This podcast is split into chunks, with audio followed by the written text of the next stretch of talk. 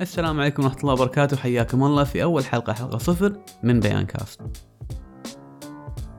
أول شيء أعرفكم نفسي معاكم أحمد العيدان رائد الشاي المختص. حاصل على اعترافات من عدة منظمات عالمية مختصة بعالم الشاي. مؤسس Bayan Artisan Tea علامة تجارية كويتية مختصة في استيراد وتصدير أجمل أنواع الشاي من الدول الرائدة المصنعة للشاي وتقديم ثقافات الشاي العالمية من خلال برامجنا التعريفية منها كان Tea Talk وغيرها من الندوات وورش بالكويت والخليج العربي. لاحظت من خلال بحثي في منصات البودكاست بأن هناك العديد من البودكاستات الجميلة والممتعة للأمانة يحتوي عنوانها على كلمة شاي أو شكل من أشكال أكواب الشاي أو حتى أباريق شاي لكنها لا تحتوي على شيء آخر سوى العنوان. يعني التعبير المجازي لما يملكه كوب الشاي من متعة. فقررنا ننشأ هذا البودكاست ونقدم محتوى جديد. بيان كاست هو بودكاست مختص في عالم الشاي. من خلاله راح نتعرف على عالم الشاي الجميل بتفصيل ممتع وبنحاول إلى حد ما أن نجعله خفيف ولطيف عليكم. من المتوقع تراودكم هذه الفكرة واللين وين طلعنا هذا؟ ما خلصنا من القهوة المختصة. بأي لحظة من اللحظات بيقول كم كلمة بالإنجليزي أو بلغة أجنبية ثانية وبيألف علينا يعني سوالف جديدة وأسعار خيالية. ولكن حقيقة الأمر متى كان الشاي رخيص؟ قبل لا ندخل بهذا الموضوع حاب أوضح بعض الأمور الخاصة بعالم الأشياء المختصة المنتشر في الساحة اليوم. من المخبوزات والمخابز منتجات الألبان الدواجن المخللات القهوة المختصة وأخيرا الشاي.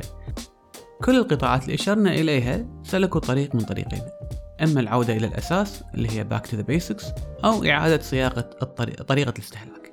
وبعد ما أيقن الكثير بأن الشركات العالمية الضخمة وفرت لهم نطاق واسع من المنتجات الغذائية الرئيسية بأسعار في متناول الكل على حساب روحها وفوائدها الصحية في المخابز والمخبوزات ظهرت حركة وتوجه إلى الابتعاد عن الخميرة المصنعة والمسرعات وإعادة تقديم المخبوزات مثل الساوردو والباجيت والهالة وغيرها من المخبوزات بالشكل الأساسي. بالتخمير الطبيعي اللي ياخذ وقت طويل وجهد أكبر لكن النتيجة النهائية لذيذة جدا. ومنتجات الألبان بالإنتاج المحلي والابتعاد عن الإضافات لمد الأجل والأعلاف المحسنة وعودة الزبدة الرايبة أو ما يسمى في بعض أنحاء الوطن العربي بالزبدة البلدية أو ال culture butter لاحتوائها على مركبات بكتيرية مفيدة. وعودة حميدة بصراحة لأني من أكثر الأشياء اللي أنا افتقدتها في الفترة الأخيرة. الروب اليوناني آه ال whey protein أو whey protein وهبة اليومين الكيفر اللذيذ.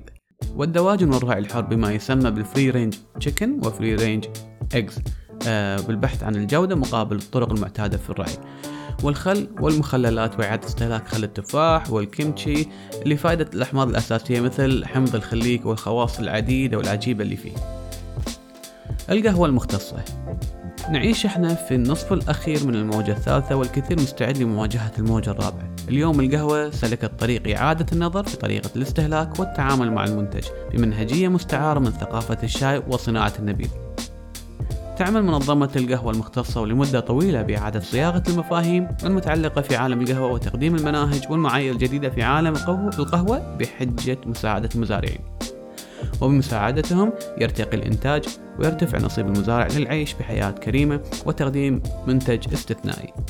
باستمرار الزراعة الممتازة يتم البحث والتطوير وخلق أبعاد جديدة في سوق القهوة مثل ما نعيش اليوم القهوة المخمرة اللاهوائيا ال anaerobic fermentation والنقع الكربوني ال carbonic maceration. بالنسبة لي منهجية المنظمة مبنية على أجندة أكبر بكثير من هذا على سبيل المثال الصعوبات التي تواجهها المنطقة للاعتراف بها من المنظمة وحتى سلب حقوق رعاية أكبر مناسبة في عالم القهوة من بلد خليجي ونقلها إلى أوروبا لدواعي سياسية أخلاقية اجتماعية. إما أن تقبلوا بأجندتنا النتفليكسية أو نسحب منكم المناسبة وتفقد الدولة الخليجية شرف إقامة المناسبة وحرمانها من الأبعاد الثقافية والمالية المكتسبة من استضافة هذه المناسبة. ما علينا. وأخيرا نرجع لموضوعنا الأصلي وهو الشاي ومتى كان الشاي أصلا رخيص؟ منذ العهد القديم الشاي كان مقتصر على فئة محدودة من البشر من من رفع قيمته وخلى الموضوع جدا صعب صعب للوصول إليه وفي الصين لابد لكل إمبراطور أن يضع بصمته في عالم الشاي أثناء عهده. دخل الشاي الإمبراطورية الإنجليزية عن طريق الأميرة كاثرين البرتغالية عبر زواجها للملك تشارلز الثاني وكانت هي من قدم الشاي لإنجلترا كمشروب للملوك وعلية القوم في البرتغال قبل بريطانيا. وفي القرن السابع عشر كان يعتبر الشاي مشروب سلطان المغرب العربي وأسس لها هيئة مسؤولة عن عملية شرائه وتخزينه وتحضيره ولم يتمتع عامة الشعب بشرب الشاي في المغرب العربي إلا في منتصف الستينات من القرن الماضي يعني ما يقارب السبعين سنة الماضية. طيب شلون وصل فيه الحال الشاي لما هو عليه اليوم؟ تعرف الخليج العربي على الشاي القادم من الهند بشكل بسيط عبر خط التجارة الخليجي الهندي. أولا كان على هيئة دواء وانتهى فيه المطاف على شيء يستهلك بشكل يومي.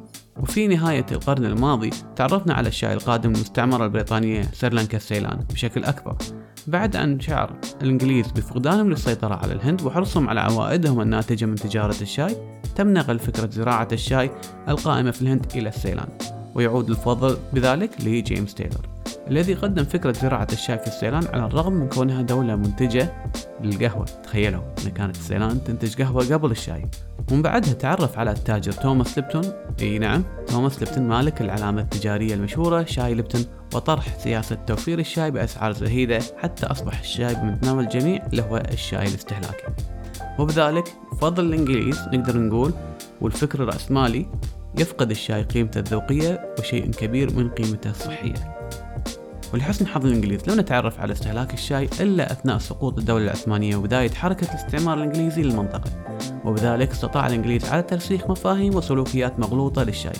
كون الشاي الحقيقي وأنه الأصلي ولأنه بكل بساطة الخواجة يشربه لاحظوا أني قلت سلوكيات وليست ثقافة الشاي الإنجليزي لأن الإنجليز لهم عاداتهم وسلوكياتهم ومناسباتهم للشاي. هذا الشيء لم يكتسب منهم إنما ابتكرنا عاداتنا وثقافاتنا الخاصة في شرب الشاي ومن أواني ومناسبات وإضافات. وهكذا أصبحت أنا اليوم أدفع الثمن. كل يوم أحارب الأكاذيب وأجتهد لتغيير المفاهيم والقناعات المغلوطة عبر بيانتي يوما بعد يوم. هدفنا توفير المعرفة والثقافة وإعادة اكتشاف جمال الشاي بأنواعه العديدة والدول المتقدمة في صناعة الشاي الحقيقي ذو الجودة العالية. وإعادة النظر لما نستهلكه من شاي واختيار الأفضل لنا. كانت هذه حلقتنا الأولى لبيان كاست. نتمنى أنكم استمتعتم معنا. وإذا عجبكم المحتوى لا تنسون المتابعة ومشاركتنا بتعليقاتكم وإعادة النشر لهذا البودكاست بين الأهل والأصدقاء. وبحفظ الله.